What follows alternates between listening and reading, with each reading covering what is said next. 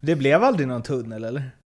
Nej, eller jag hade en mot, eh, mot Göteborg faktiskt. Men det, den var inte kalkylerad så den räknades inte. Jag tror det var mot Allansson. Eh, riktigt eh, sjuk i, i straffområdet. Eh, Vad som jag fick du med göra mig sen också. Då? Jag skulle egentligen bara rensa iväg den. Fick en liten en fel-Jonny med vänstern som gjorde att den slank mellan benen. Och det blev så... Ja, det blev perfekt. Och bara ta med sig den sen vidare. Men alla såg att jag skulle brassa den långt åt helvete. Men det blev så jäkla fel. Så den fick jag inte.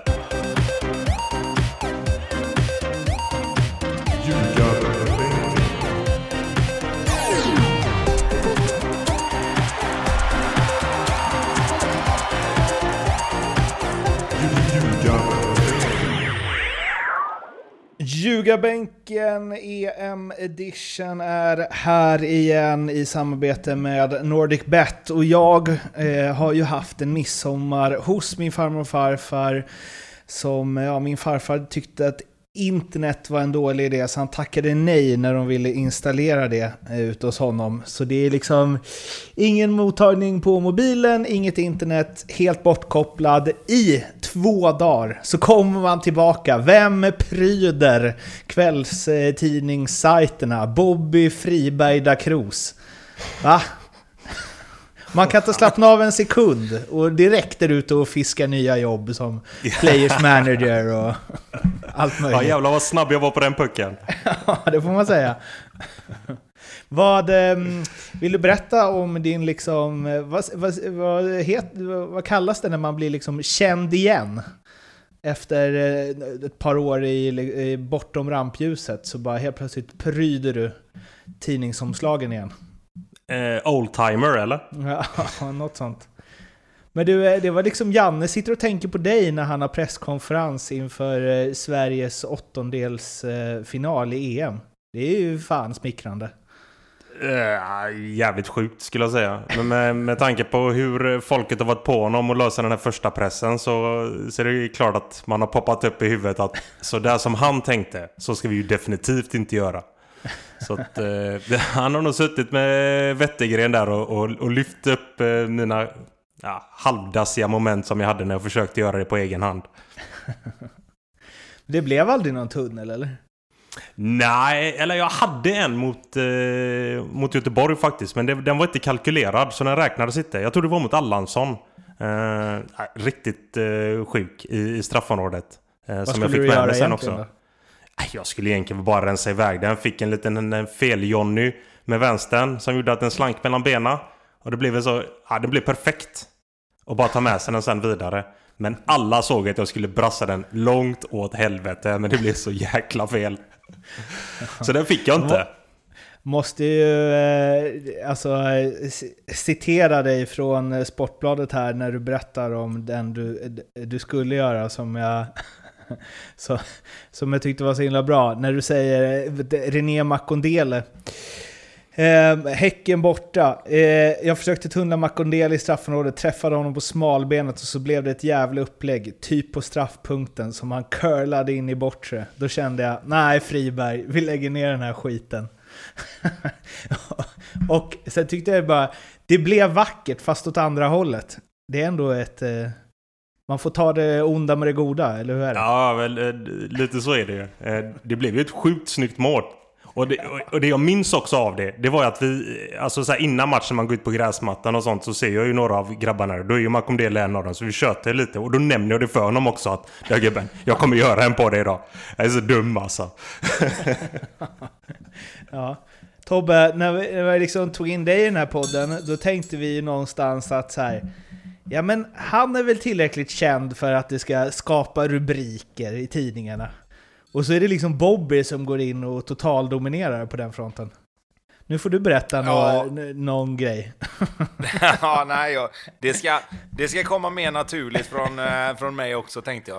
Uh, nej, det, den är ju helt fantastisk. När jag, uh, när jag såg att Bobby skickade den där så var det ju bara, det var ju bara att nita upp den på sociala direkt. Och den, uh, spred sig som en löpeld kan man säga. Så att, eh, ja, fantastiskt. Eh, dels är ju storyn i sig jävligt rolig och sen är det ju precis som du säger Mårten, det är helt fantastiskt att att Bobbys namn kommer upp i huvudet på honom han sitter och diskuterar första press inför en åttondelsfinal i EM. Liksom. Så att, eh, De har gjort ja, starkt intryck. jobbat. Då, ja, verkligen. Verkligen. Va, vi håller tummarna, även om vi tycker att det är kul att ha med dig i podden Bobby, så håller vi tummarna för Players Manager-erbjudande inom kort. Jag kan också känna att eh, det kan man väl kombinera med att spela in ljugarbänken. Albeck Absolut. jobbade väl inte så jävla hårt? Det kändes inte som han gjorde det va? Åka runt och kanske ska bli uppspelscoach. Ja, det, den löser man ju den biten. Det där är inga konstigheter. Två mot två i straffområdet boys. Hur löser vi den här eh, kniviga situationen? Ja, precis. Gör eran gubbe så det blir två mot en. Ja, exakt.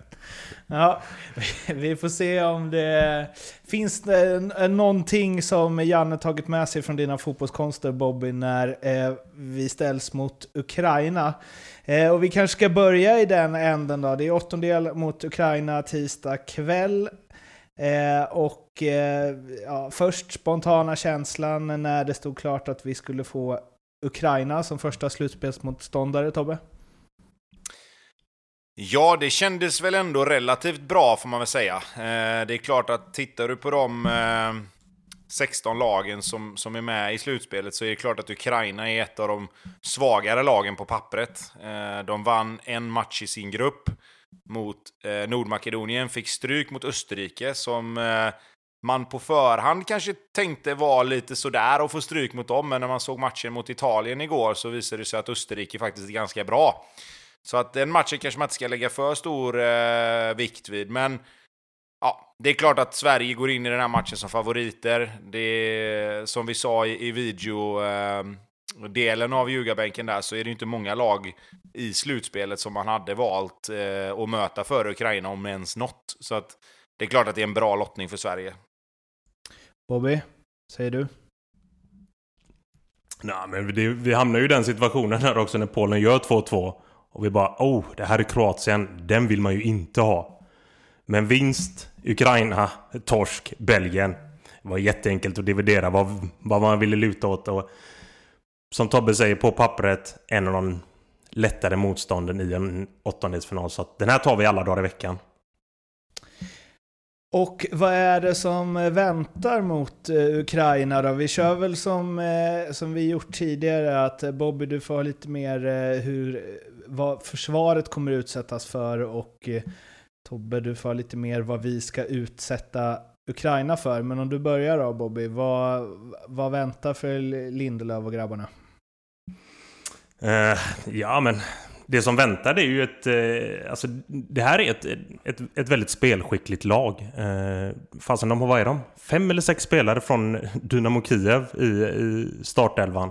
Eh, fasen, det gör rätt mycket alltså. Och sen så har de ju sina tre up front.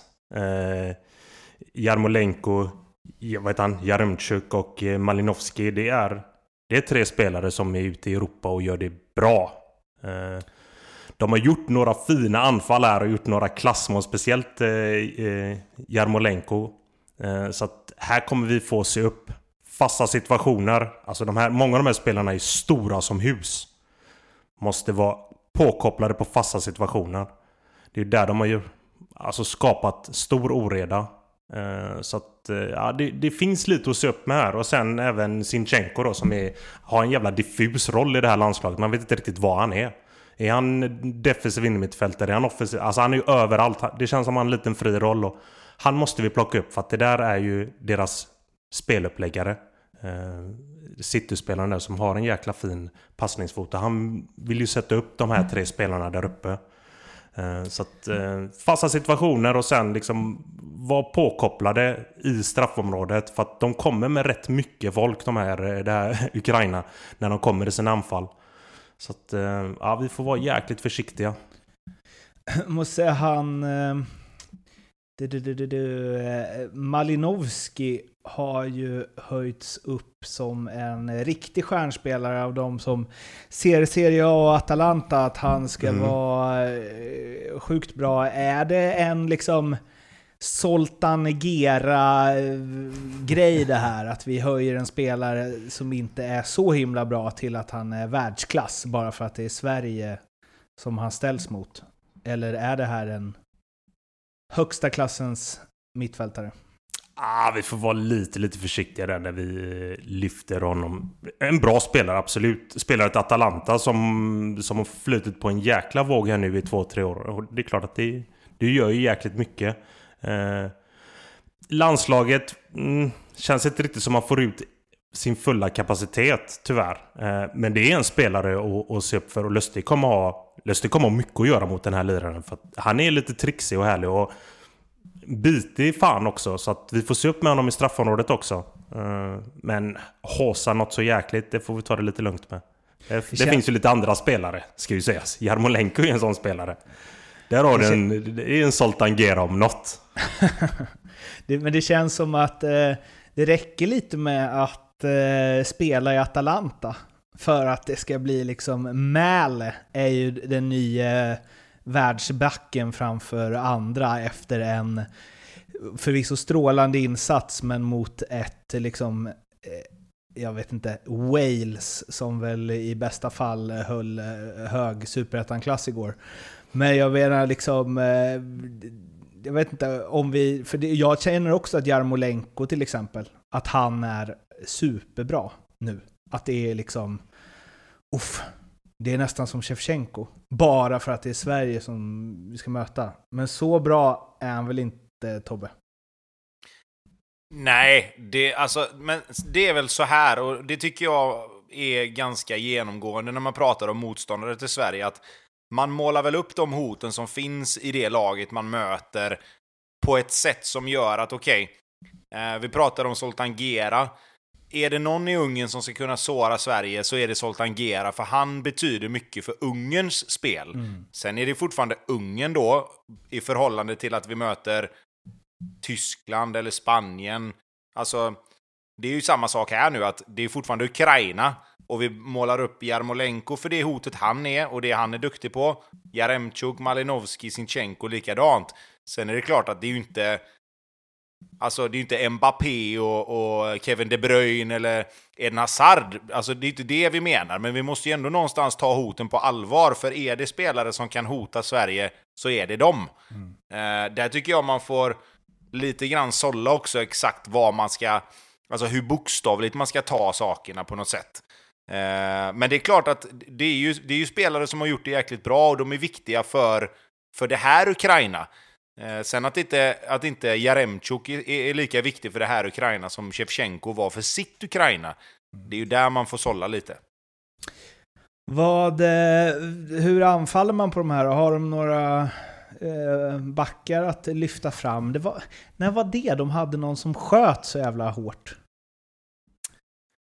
Eh, ja, vad hette han då? Han hette ju... Det var ju den här... Var det inte det? Ja, men Tumuchuk var ju, var ju inne i mitt fält, ja, där blonda med pannbandet som ja. spelar i Bayern München ja, Just det, just det. Men, de hade men någon... sen hade de ju, eh, de hade ju en, en eh, ska vi se, han som gick till Barca, Chigrinski hade de ju ett tag. Det, det, det var lite dansa här... en sommarspelare va? Ja, han var väl i och för sig bra tills han gick till Barca tycker jag. Alltså mm. Dynamo Kiev och Shakhtar hade ju några spelare i det ukrainska laget där som, som var jäkligt duktiga ett tag. Mm. Uh, det var väl Shakhtar som hade en vänsterfotad mittback. Nu kommer jag inte ihåg på, på rak arm vad han hette, men han var ju också uppe och, och diskuterades vet jag efter, efter EMet där eh, som var i Ukraina och, och Polen. Mm. Eh, men om vi ska vara helt ärliga så är det väl inte den klassen på, på Ukrainas försvar i, i i det här mästerskapet. Jag tycker de har sett dassiga ut, mm. eh, om jag ska vara ärlig. Eh, Bobby sa att de, en del av dem är stora som hus, och, och absolut, det, det, är ju en... Det är ju en grej man behöver se upp med när det gäller defensiva fasta och, och, att man kanske på något sätt får titta på de offensiva fasta och se hur man ska undvika de här, eh, om man säger husen då. Eh, men det finns ju mycket och du kan utnyttja med det också givetvis i, i anfallsspelet. Eh, vi har snackat om Malinowski och, och, att han är duktig, men det är, en, det är en spelare som jobbar hårt, men han rör sig över stora ytor. Samma med Sinchenko. Han vill gärna vara inblandad överallt, och det som det för med sig är ju att de inte alltid är där de ska vara när de tappar bollen. Eh, så att det som jag tycker är att kan du identifiera ytorna snabbt när du vinner boll, att Sinchenko är inte där han ska vara, Malinovski är inte där han ska vara, och sen försöka hitta in i de ytorna som eventuellt uppstår. Och det här vet jag ju det här är ju en sån riktig nörderi-scouting-grej som de kommer sitta och titta på. att var finns ytorna för det mesta? Var brukar Sinchenko befinna sig? Var brukar Malinovski befinna sig? Jag skulle gissa att vänsterkanten eh, kommer att vara sårbar i den här matchen för Ukraina med tanke på att Malinowski utgår från vänster i själva formationen men rör sig extremt fritt. Eh, vilket gör att ytorna utanför tremannamittfältet och framför en vänsterback och en vänster mittback borde vara eh, väldigt, väldigt attraktiva för Sverige att anfalla i. Vilket för mig till resonemanget då att det hade ju varit fantastiskt intressant att få se Dejan Kulusevski ute till mm. höger i vårat lag. Mm. Eh, för att se honom utnyttja de här ytorna som kommer antagligen finnas där framför i den ytan där han är som allra bäst. Eh, men vi får väl se. Eh, men där, där borde finnas jätteytor att anfalla i.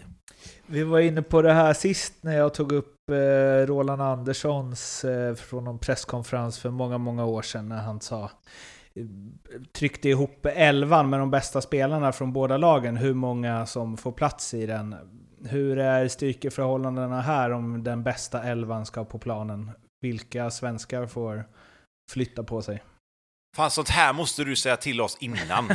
Det var svårt med Polen, men det är ju ännu svårare med Ukraina. Ja, men vad fan, ni är experter.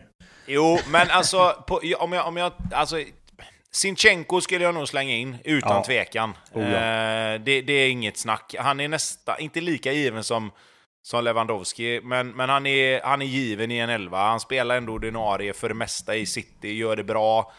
Eh, sen är det mer tveksamt på resten. Jag skulle, Malinowski skulle jag vilja ha in. Eh, hur man får in honom får man ju nästan diskutera. Eh, sen är det väl mer tveksamt med, med typ en sån som Jaremchuk och, och, och Jarmolenko. Eh, det beror väl på lite. En bra dag, absolut. Jarmolenko, fantastisk spelare i, i, i sina stunder. Men, eh, men Sinchenko och Malinowski ska absolut in. Det, det tycker jag nog ändå. Bobby? Mm, ja, men jag är också där. Eh, Sinchenko absolut, rakt in i våran startelva. Eh, Malinovski, ja, som, som nia, absolut.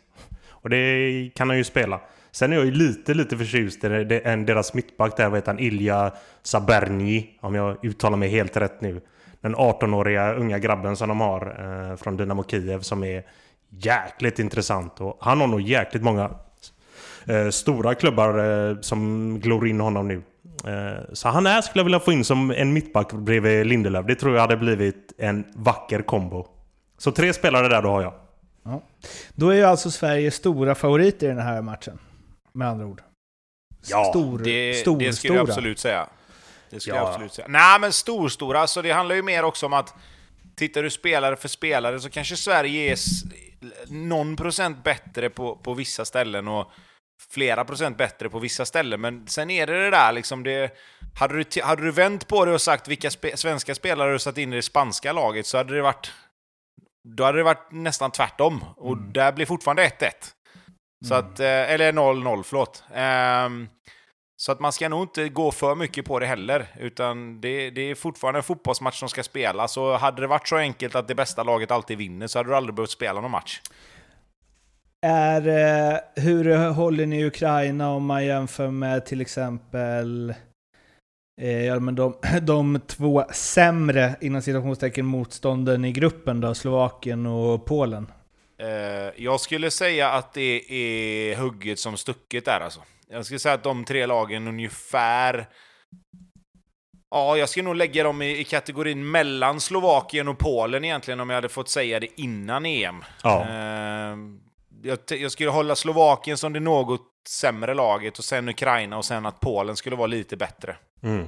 Ja, där är den. Där är den. Nu har det blivit dags att ringa Andreas på NordicBet för att snacka lite specialspel inför åttondelen mot Ukraina.